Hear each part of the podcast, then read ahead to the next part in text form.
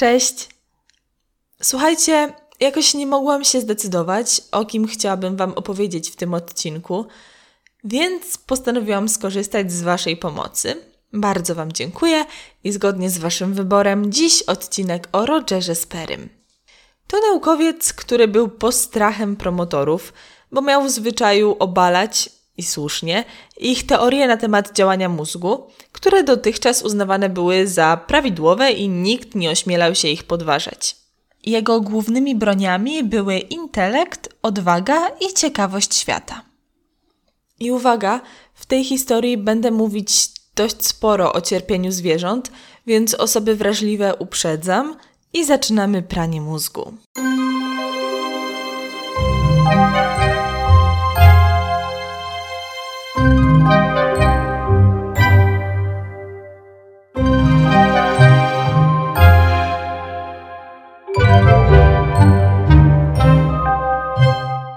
Witajcie w jedenastym odcinku podcastu Pranie Mózgu.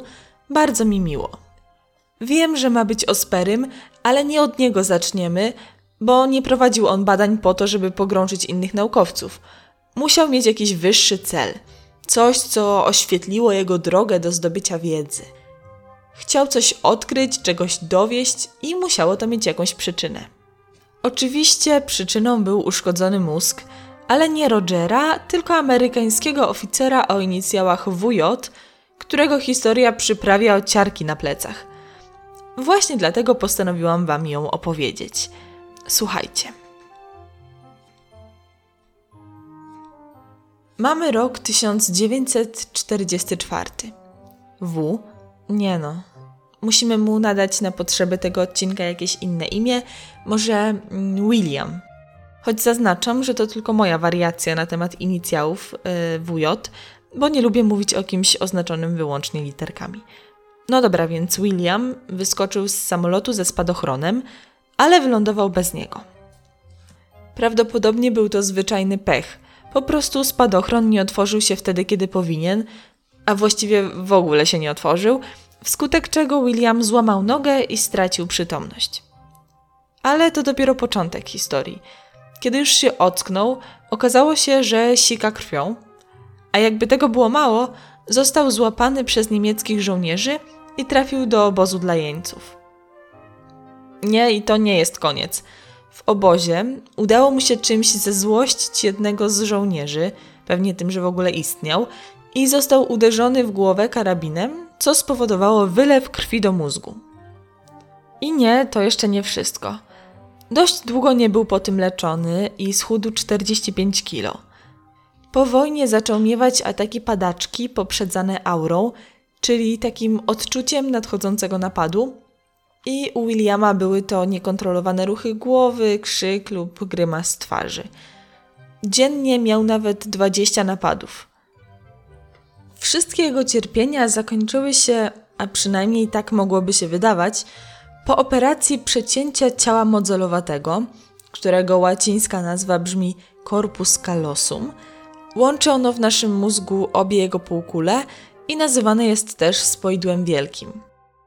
Znajduje się nieco głębiej w mózgu i żeby je zobaczyć, należałoby odchylić od góry obie mięciutkie budyniowe półkule mózgu i spojrzeć pomiędzy nie, aby zobaczyć biało-szary twór o twardości chrząstki.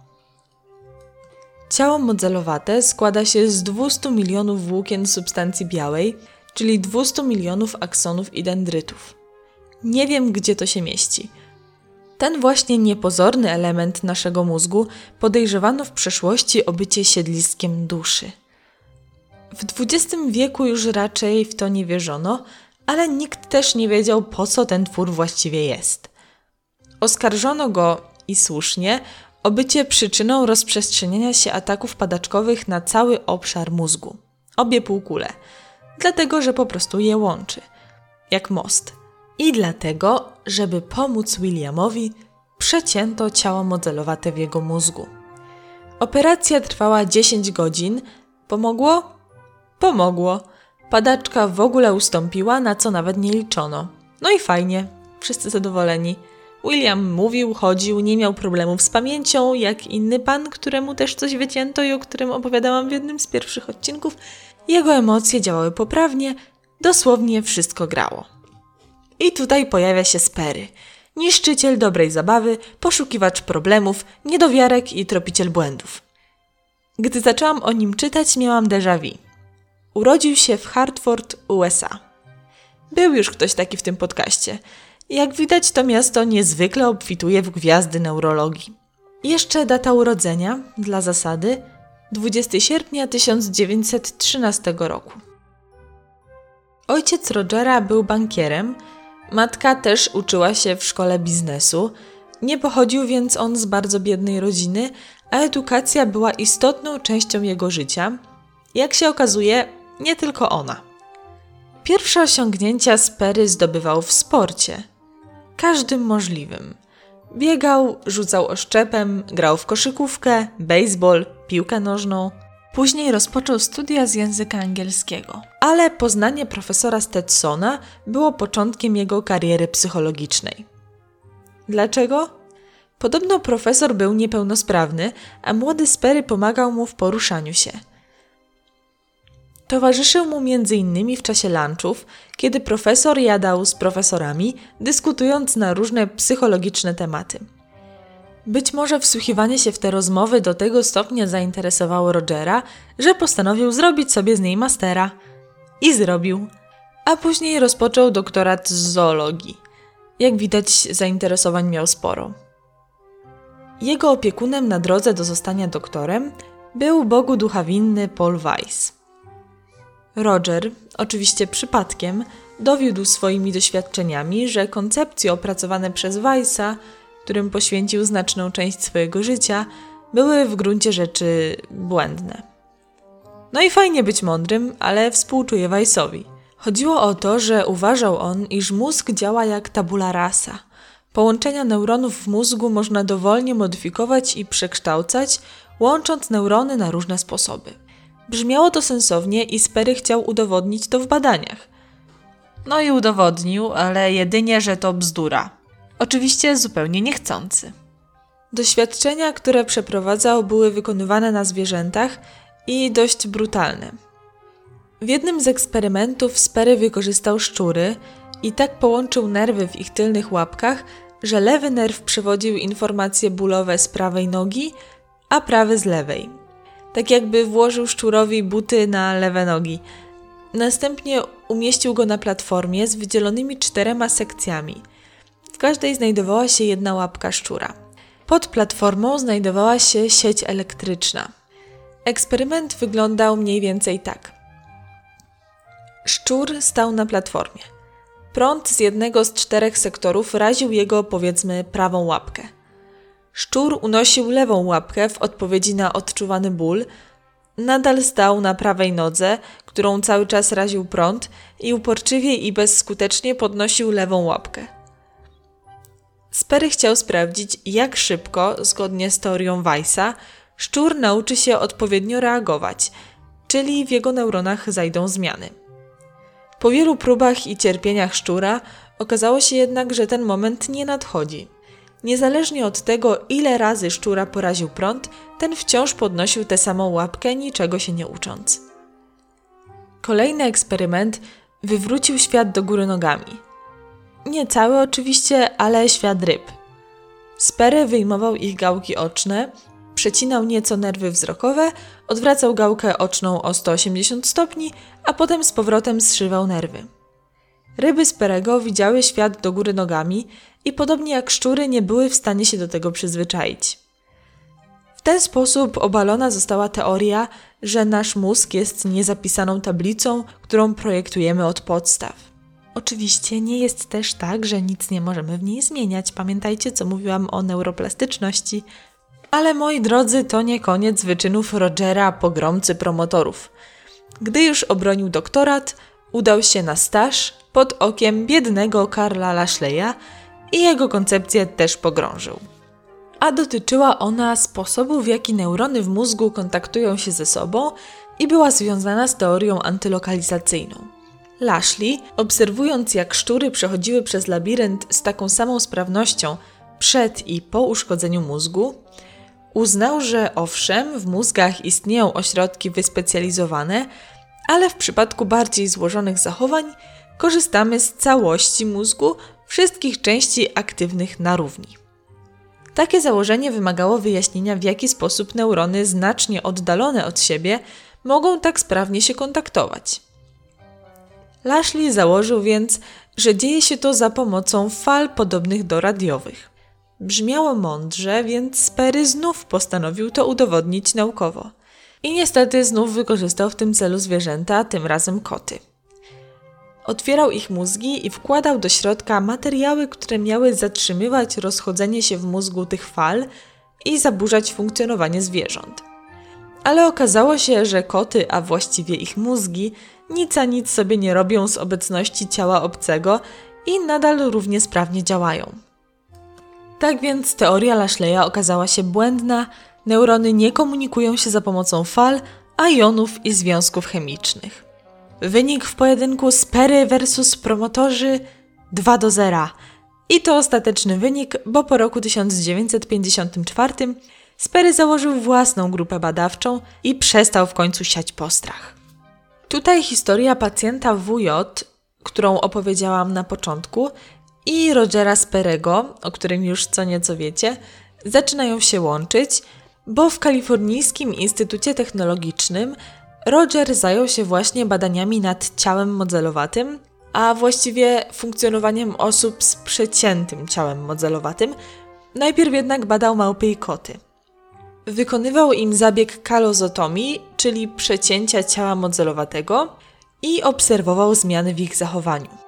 Początkowo wydawało się, że nic się nie zmieniło, ale gdy kota postawiono przed zadaniem przejścia przez labirynt z przepaską na jednym oku, to gdy nauczył się to robić i zmieniono położenie przepaski na drugie oko, kot znów nie wiedział jak iść. Ta różnica w funkcjonowaniu kotów z przeciętym i nieprzeciętym ciałem modelowatym skłoniła Sperego do przeprowadzenia dokładniejszych badań, by określić jak sprawa wygląda u ludzi. Wątpliwym dla Sperego wydawało się, by jedyną funkcją ciała modelowatego było utrzymywanie półkul razem, więc zgodził się przeprowadzić takie badania na ludziach, wśród których znalazł się pacjent WJ. No i w ten sposób Roger kolejny raz udowodnił, tym razem lekarzom, że ich wnioski dotyczące tego, że pacjenci z przeciętym ciałem modelowatym funkcjonują zupełnie normalnie, nie są prawdziwe. W większości testów pacjenci rzeczywiście radzili sobie dobrze, ale gdy pojawiały się zadania wymagające wymiany informacji między półkulami, Sperry i jego współpracownicy obserwowali ciekawe zjawisko. Na przykład, badanego sadzano przed ekranem, na którym wyświetlano na krótki czas różne elementy po prawej lub lewej jego krawędzi. Robiono to po to, by informacja o widzianym obrazie trafiła tylko do jednej półkuli mózgu. Bo powiedzenie, że prawa półkula przetwarza informacje z lewego oka, a lewa z prawego, to duże uproszczenie – Owszem, są takie elementy pola widzenia, które przetwarzane są jednoocznie i są to właśnie te elementy skrajne, ale większość obrazu przetwarzana jest obuocznie, więc obraz trafia do obu półkul. Teraz już jasne. Badany siedział przy stole, na którym znajdował się przyrząd, który należało wcisnąć po pojawieniu się obrazu i poinformować badających, że coś się zobaczyło. Pozornie nic trudnego, ale jeśli pokazywano badanemu przedmiot z prawej strony, czyli trafiał on do lewej półkuli uznawanej za tą kontrolującą język, badany wciskał klucz i informował, że coś widzi. Gdy jednak obraz pokazywano z lewej strony, mówił, że nic nie widział, ale jego lewa ręka wciskała klucz. Podczas innego eksperymentu Sperry poprosił ochotników o włożenie lewej ręki do pudełka, którego zawartości nie widzieli, a w którym znajdowały się różne przedmioty. Następnie wyświetlano nazwę jednego z obiektów, który znajdował się w pudełku, tylko w lewym polu widzenia badanego. Trafiała więc ona do prawej półkuli. Większość uczestników następnie podnosiła potrzebny przedmiot z pudełka, nie widząc go, ale nie potrafiła podać nazwy przedmiotu i nie wiedziała, dlaczego trzyma go w ręce. Sperry wysnuł ze swoich badań wniosek, że prawa półkula ma zdolność rozpoznawania niektórych wyrazów, ale nie może ich wymówić, dlatego osoby nie były w stanie powiedzieć, co trzymały w ręce. Innym razem Sperry pokazał badanym dwa różne obiekty. Jeden prawemu oku uczestników, a drugi lewemu. Poprosił ich, aby narysowali to, co widzieli, lewą ręką, z zamkniętymi oczami. Uczestnicy narysowali to, co widzieli lewym okiem, kontrolowanym przez prawą półkulę, i opisali to, co widzieli prawym okiem, kontrolowanym przez lewą półkulę. Potwierdzało to, że półkule mózgu po przecięciu ciała modelowatego funkcjonują oddzielnie jako dwa różne mózgi i nie bardzo uznają istnienie siebie nawzajem. Badania powędrowały jednak dużo dalej, przynosząc ciekawe obserwacje na temat pracy mózgu jako całości i poszczególnych jego półkul. Prawa okazała się lepiej radzić sobie z muzyką, sztuką, rozpoznawaniem twarzy, przetwarzaniem elementów rzeczywistości jako całości, podczas gdy lewa, niczym detektyw, wyszukiwała szczegóły, analizowała i skupiała się na relacjach między elementami. U naszych przodków, miliony lat temu, prawdopodobnie obie półkule pracowały tak samo ciężko. Ale później, w toku ewolucji, prawa półkula zaczęła się specjalizować jako ta pozwalająca na szybkie wykrycie niebezpieczeństwa i sprawne reagowanie, a w lewej z biegiem czasu osadził się powstający język, co oczywiście nie znaczy, że w prawej go nie ma. Najogólniej mówi się, że prawa półkula jest globalna, przetwarza całościowo, a lewa linearnie i sekwencyjnie, element po elemencie. Ale jest to duże uproszczenie, bo w rzeczywistości nie jest tak, że w zależności od przetwarzanego bodźca pracuje jedna albo druga półkula. Zawsze pracują obie, ale żeby za bardzo się nie męczyć, zlecają sobie nawzajem wykonywanie tych zadań, w których zakresie są specjalistkami. Uzupełniają się po prostu. Ale żeby mogło tak być, półkule muszą bardzo sprawnie się komunikować, a do tego potrzebny jest im jakiś pomost. W tym wypadku ciało modelowate. I to nieprzecięty pomost. Czyli co? Osoby z przeciętym ciałem modelowatym mają dwa mózgi w jednej głowie, czy dwie oddzielne półkule w jednym mózgu. Da się tak w ogóle funkcjonować? Otóż, moi drodzy, da się. Osoby po kalozotomii nie odczuwają, że w ich głowach walczą ze sobą dwa sposoby przetwarzania informacji, globalny i analityczny. Zazwyczaj jedna z półkul przejmuje kontrolę, stając się tą dominującą, tak zwanym interpretatorem świata. Często jest to właśnie półkula lewa. Czasem jednak sprzeczne informacje z dwóch półkul skłaniają takie osoby do konfabulowania, o którym mówiłam w pierwszym odcinku dawno, dawno temu. Są bowiem pewne odczucia na tyle prymitywne, że potrafią przedostać się z jednej do drugiej półkuli, nawet gdy most w postaci ciała modelowatego nie istnieje. No i tutaj na przykład przypadek pewnej pani z przeciętym ciałem modelowatym, której pokazano zdjęcie Adolfa Hitlera, tak aby obraz zarejestrowany został przez lewą półkulę. Zdjęcie wywołało u kobiety prawopółkulową reakcję emocjonalną, negatywną oczywiście. Kiedy kobietę zapytano o przyczynę takiej reakcji, Szybko wytłumaczyła, że pomyślała o kimś, kto ją kiedyś wkurzył, bo jej mózg nie połączył złości z prawej półkuli i Hitlera z lewej. Znana jest także historia chłopaka, którego lewa półkula na pytanie o wymarzony zawód odpowiadała kreślarz techniczny, a prawa kierowca rajdowy. No jak widać, nasz zdrowy lewopółkulowy rozsądek nie zawsze idzie w parze z emocjonalnymi marzeniami. Ale stop, stop, stop. Trochę odbiegłam od tematu. Różnic między półkulami mózgu jest wiele, ale mogłabym o tym mówić na tyle długo, że chyba zostawię to na inny odcinek. Ten jest osperym, więc do niego wracamy. Badania nad ciałem modelowatym przysporzyły mu popularności, do której z czasem powoli się przyzwyczajał. Na bankietach, których nie był wielkim entuzjastą, raczył swoich gości trunkami takimi jak na przykład poncz rozdzierający mózg wyborne poczucie humoru. W końcu jednak w roku 1981, po pokonaniu dwóch wielkich umysłów i latach badań naukowych, otrzymał zasłużoną Nagrodę Nobla za badania nad rozszczepionymi mózgami. Sperry odkrył, że lewa półkula jest odpowiedzialna za rozumienie języka i artykulację, podczas gdy prawa może rozpoznawać słowo, ale nie może go wyartykułować. Dowiódł też, że przecięcie ciała modelowatego, choć pozwala na leczenie padaczki, nie pozostaje bez wpływu na późniejsze funkcjonowanie pacjentów. Oprócz badania ciał modelowatych, Sperego interesowała też tajemnicza kwestia ciała i umysłu, świadomości i tego, jak powstaje. Ktoś kiedyś powiedział, że tak niejasne i skomplikowane kwestie interesują tylko durni i laureatów Nobla. No ale wiecie, że Sperry był tym drugim. Teraz jeszcze trochę prywaty. Oprócz mózgu kochał też sztukę. Był artystą, rzeźbiarzem i zapalonym paleontologiem. Lubił kempingi i wędkarstwo, ale dużo czasu spędzał też w swoim gabinecie, pracując lub ucząc się. Miał rodzinę, żonę i dwójkę dzieci. Zmarł 17 kwietnia 1994 roku na chorobę Lou Gehriga, która, żeby nie było zbyt kolorowo, jest chorobą neurodegeneracyjną neuronów ruchowych i polega na tym, że chory stopniowo traci możliwość kontrolowania mięśni.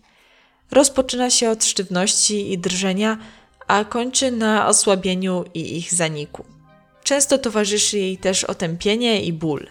Rozpoczyna się od problemów z rzuciem, gryzieniem, mówieniem, a później poruszaniem się i w końcu oddychaniem, czyli niewydolnością oddechową. Nie ma w tym podcaście happy endów, ale dotarliśmy do końca tego dzisiejszego mocno eksperymentalnego odcinka. Po całej tej historii pewnie zabrzmi to dziwnie, ale przychodzi mi do głowy tylko cytat z Biblii, który w kontekście tej sytuacji jest maksymalnie dosłowny. Jak widać, istnieją sytuacje, w których rzeczywiście nie wie Twoja lewa ręka, co czyni prawa. Mam nadzieję, że dowiedzieliście się z dzisiejszego odcinka czegoś ciekawego. Jak zwykle zapraszam na mojego Instagrama, zostawiam też maila w opisie na wszelki wypadek i linki do źródeł. Pamiętajcie, że nie warto palić mostów, bo mogą się okazać tak ważne jak korpus kalosum w mózgu. Trzymajcie się, cześć!